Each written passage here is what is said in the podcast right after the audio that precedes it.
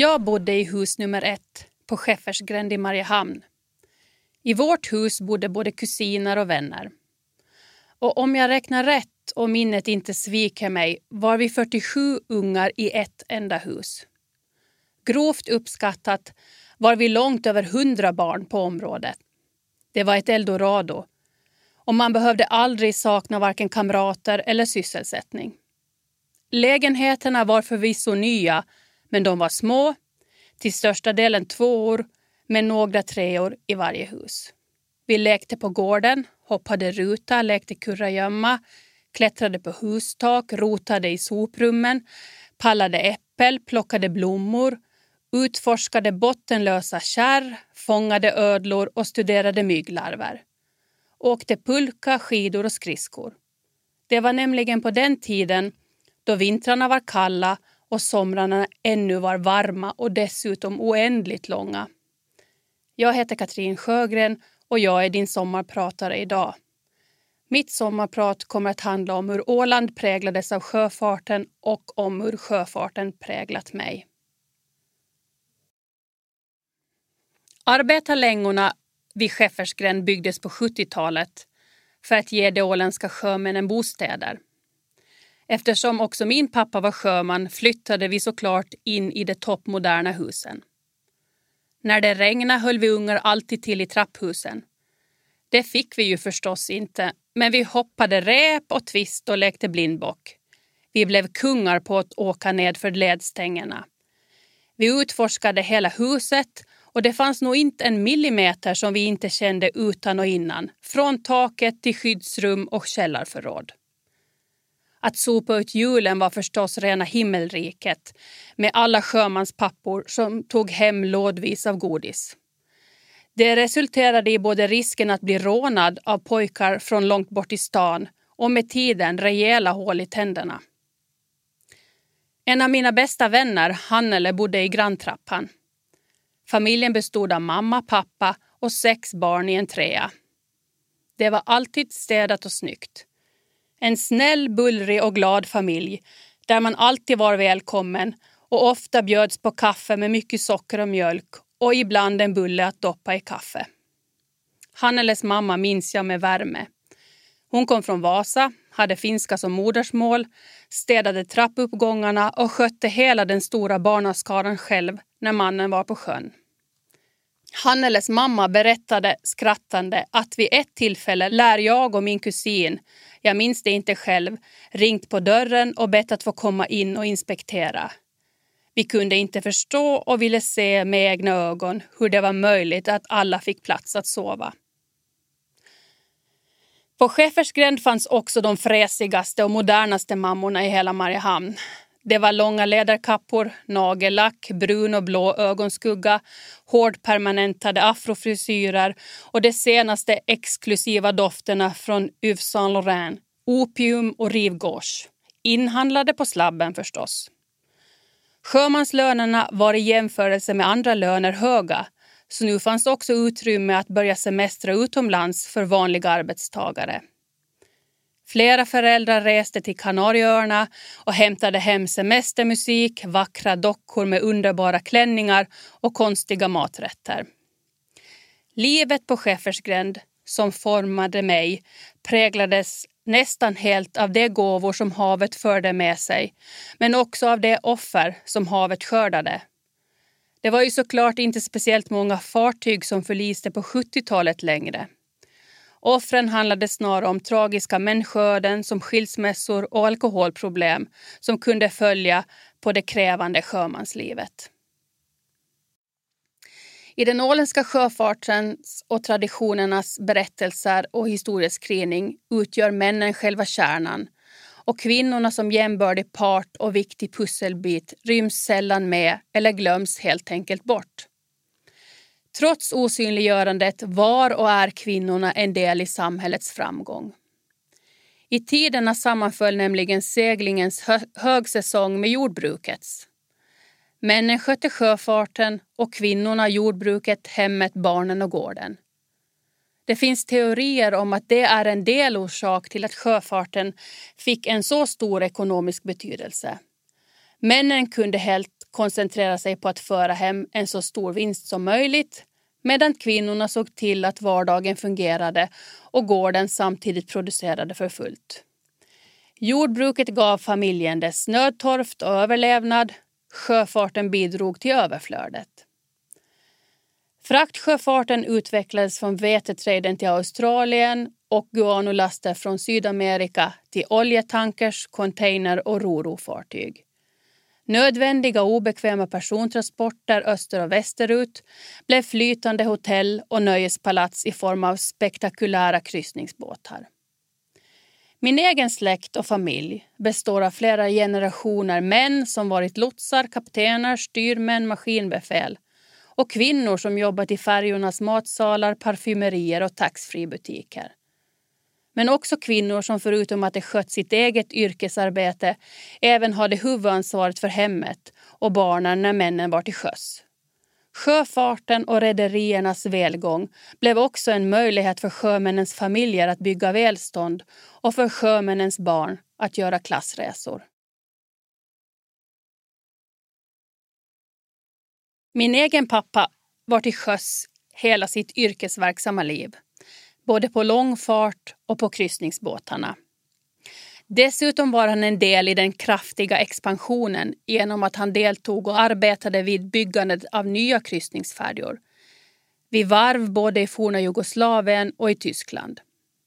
Helt enligt gängse mönster och tradition koncentrerade han sig på sitt arbete och hämtade hem överflöd. Det var exotiska matprodukter och godis från slabben, fina dockor och plommonbrännvin från Jugoslavien och under tiden i Tyskland blev det verkligen lyx i form av kaffebryggare, brödrostar, rullskridskor, kläder, hushållsassistenter och mängder av leksaker till mig och mina syskon. I pappas resväskor fanns alltid, alltid presenter. Mamma hade också hon ett krävande jobb samtidigt som hon skötte hem och tre barn. Helt enkelt såg till att vardagen fungerade. Hon var i hela sitt yrkesverksamma liv en viktig kugge i Ålandsbankens utveckling och framgång, i digitalisering och expansion. Mamma blev så småningom administrativ chef i banken. Det föll sig också därmed naturligt att mamma höll i familjens planering och ekonomi. En person med ordning och reda som visste sitt värde, klok och resonerande och som släkten vände sig till när man behövde ha myndighetskontakter eller lösa problem av allehanda slag. En person som står stadigt när det blåser och som alltid visste på råd. Min pappa skulle jag beteckna som macho, en hårding, en riktig karakar. Med intressen som jakt och fiske, en fena på att köra både bil och båt och som kunde laga precis allt som går sönder. Något av en urtyp om man skulle definiera maskulinitetsnormen. Men också känslosam, lättrörd och som ömma för barn och djur. Pappa som själv hade haft en pappa på sjön och en hårt yrkesarbetande mamma hade lärt sig diska, städa, laga fantastisk mat och ta hand om ungar. De veckor han var ledig kom min mamma hem till städat hem och dukat bord.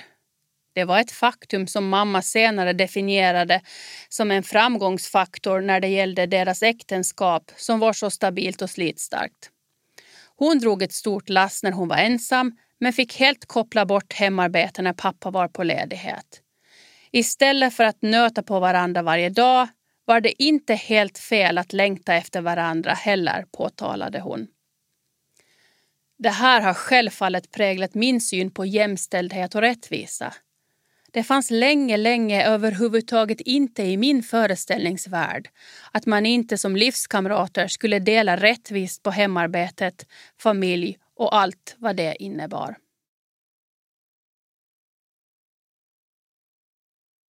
Du lyssnar på Sommarprat och jag som talar idag heter Katrin Sjögren. Sjöfartens framgång gjorde att övriga delar av det åländska samhället och näringslivet växte och utvecklades. Rederierna behövde, förutom det självklara behovet varv för att bygga nya skepp, även banker och försäkringsbolag som ålänningarna helt enkelt bildade. Både skeppshandel och utbildning startades också upp. I navigationsskolan utbildades styrmän och kaptener och senare också manskap i sjömansskolan och servicepersonal i hotell och restaurangskolan. Sjöfarten skapade också förutsättningar och lade grunden för turismen. En vindpinad ögrupp mitt i Östersjön. Hur är det möjligt att Åland lyckats och blivit så framgångsrikt med internationella börsbolag, Nordens högsta BNP per capita och nästan en obefintlig arbetslöshet. Vårt samhälle är småskaligt, målinriktat och egensinnigt trots att vi ålänningar med handen på hjärtat inte är fler än att vi skulle få rum i några kvarter i Stockholm, Helsingfors eller Bryssel. Men är man liten måste man vara klok och streetsmart, bygga pålitliga nätverk, skaffa sig bundsförvanter och återgälda med tacksamhet. Att bo mitt i havet medför vissa begränsningar. Finns inte det serviceutbud eller den vara eller tjänst du söker får du helt enkelt ordna eller fixa till det själv. Det ger en självklar benägenhet att lösa problem och skapa sin egen försörjning. Sedan 90-talet har Ålands befolkning vuxit med över 20 procent. Stick i stäv med utvecklingen på andra mindre orter och samhällen. Åland har en stor flyttningsrörelse. Många ungdomar flyttar bort för att studera för att sedan komma hem för att bilda familj. Två faktorer är avgörande för att ta steget att faktiskt flytta till Åland om man inte är född här. Antingen hittar man ett jobb eller så blir man kär. På Åland idag talas 63 olika språk och vi har invånare som är födda i 100 olika länder. En öppen ekonomi ger också ett öppet samhälle.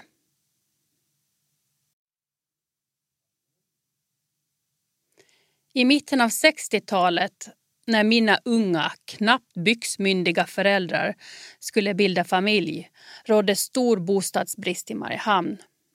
Då spelade också indirekt sjöfarten en avgörande roll genom Sjömanspensionskassan som byggde moderna bostäder åt sjömännen och deras familjer.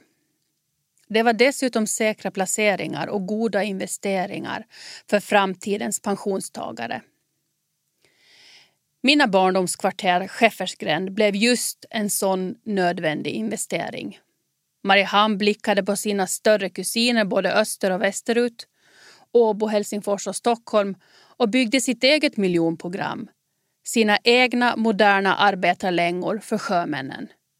Schäffersgränd bestod av tre limpformade trevåningshus insprängda i tallskogen mellan Klinten och Ålandsplan.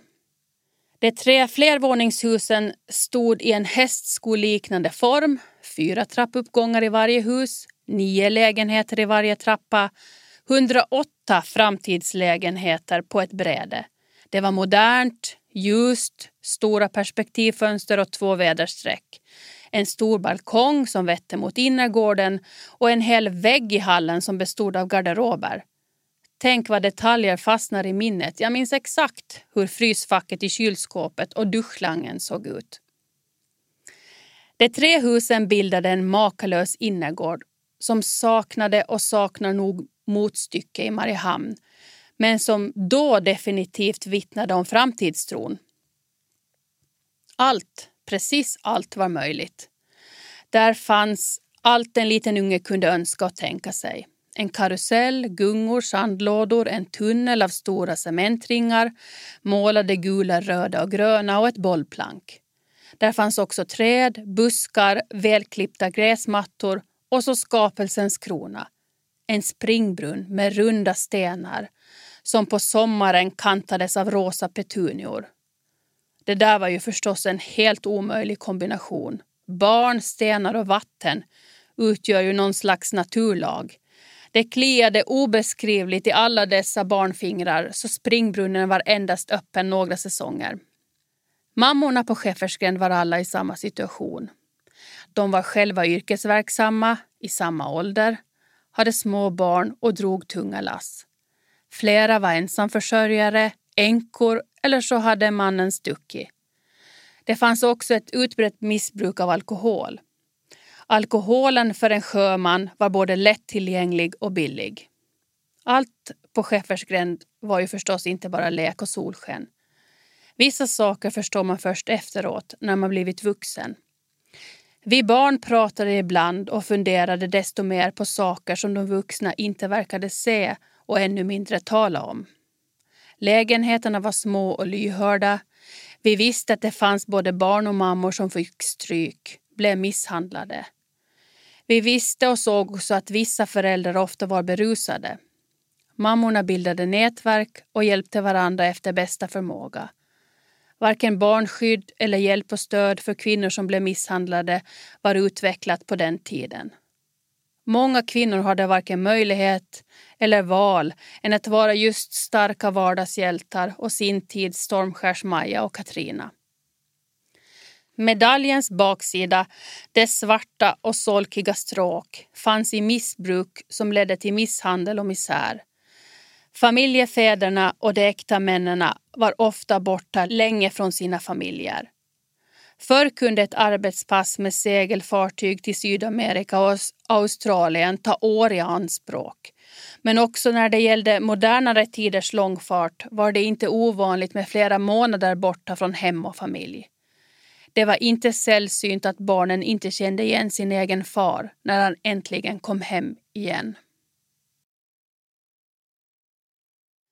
Jag heter Katrin Sjögren och mitt sommarprat handlar om Åland, sjöfarten och min sjömanssläkt. Sjömanslivet förr var hårt och inte ofarligt. Stormar, haverier, sjukdomar och förlisningar gjorde att många fäder och söner aldrig kom hem igen. Det fanns sin grav i havet. Hade man inte mark att bruka, en gård att ta över var havet den enda möjliga födkroken. De senaste hundra åren har vi ålänningar fått grundstegen i Maslows behovstrappa tillgodosedda. Det är själva grundbulten för att kunna ta vidare steg i samhällsutvecklingen. Vi har levt i fred och frihet och vi har inte behövt vara hungriga. Det kan låta banalt, men är faktiskt en grundförutsättning. Min farfar föddes på en liten karg skärgårdsholme 1916. De var tio syskon, åtta pojkar och två flickor. Jag frågade honom för många år sedan om han var hungrig som barn. Aldrig, svarade han. Det fanns fisk och fågel i havet och småvilt i skogen. Så var det för de flesta ålänningar kring förra sekelskiftet. Knappa förhållanden, men man behövde inte hungra. Det har haft betydelse. Det har under de här snart hundra åren gett möjlighet att vidga vyerna och se bortom horisonten. Det har gett förutsättningar och möjlighet att bygga tillit och sammanhang. Oslagbara faktorer för samhällsutveckling. Syskonen Sjögren fick i stor utsträckning sin försörjning via havet som fiskare, lotsar, styrmän, sjöbevakare och ja, det är väl preskriberat vid det här laget. Men historien förtäljer att det förekom en och annan smuggelresa också. Ingen annanstans i världen är man just så self-made som just på Åland. Inte ens i USA. För många somrar sedan undersökte jag och min syster vinden på min farfars barndomshem. Det lilla skärgårdshemmanet ute i havsbandet i den åländska skärgården. Farfar var näst äldst i den stora syskonskaran. I en dammig låda låg två gulnade dokument. Till Harald och Bertil Sjögren ett tackbrev. Någon form av massbrev naturligtvis från riksmarskalk Mannerheim för viktigt och ansvarsfullt deltagande i hemvärnet. Långt från den hänsynslösa fronten, tack och lov, men ändå beredskap att göra sin plikt. Ålänningarna hade ingen värnplikt i bagaget men en synnerlig skicklighet och vana att hantera bössan. Ett annat spår leder till morfar som föddes 1903 i New York. Han flyttade så småningom tillbaka till hemön och efter avlagd styrmansexamen gick han in vid lotsverket 1922. Han tjänstgjorde som lots på Saggö, Nyhamn och i Degerby. Under krigsåren 1941 till 45 kommenderades han ut på kustpansarfartyget Ilmarinen. Min moster berättar att under kriget stod mamma, min mormor, ofta i köksfönstret och tittade ner mot hamnen. Ibland grät hon. När min moster frågade varför sa hon att det var inte för någonting. Men senare förstod moster att hon var så orolig för sin man, barnens pappa. Ilmarinen som låg i Flisö i skärgården söktes av de ryska bombplanen. I boken Åländska sjömän under andra världskriget kan jag också läsa om min pappas morbrors öde.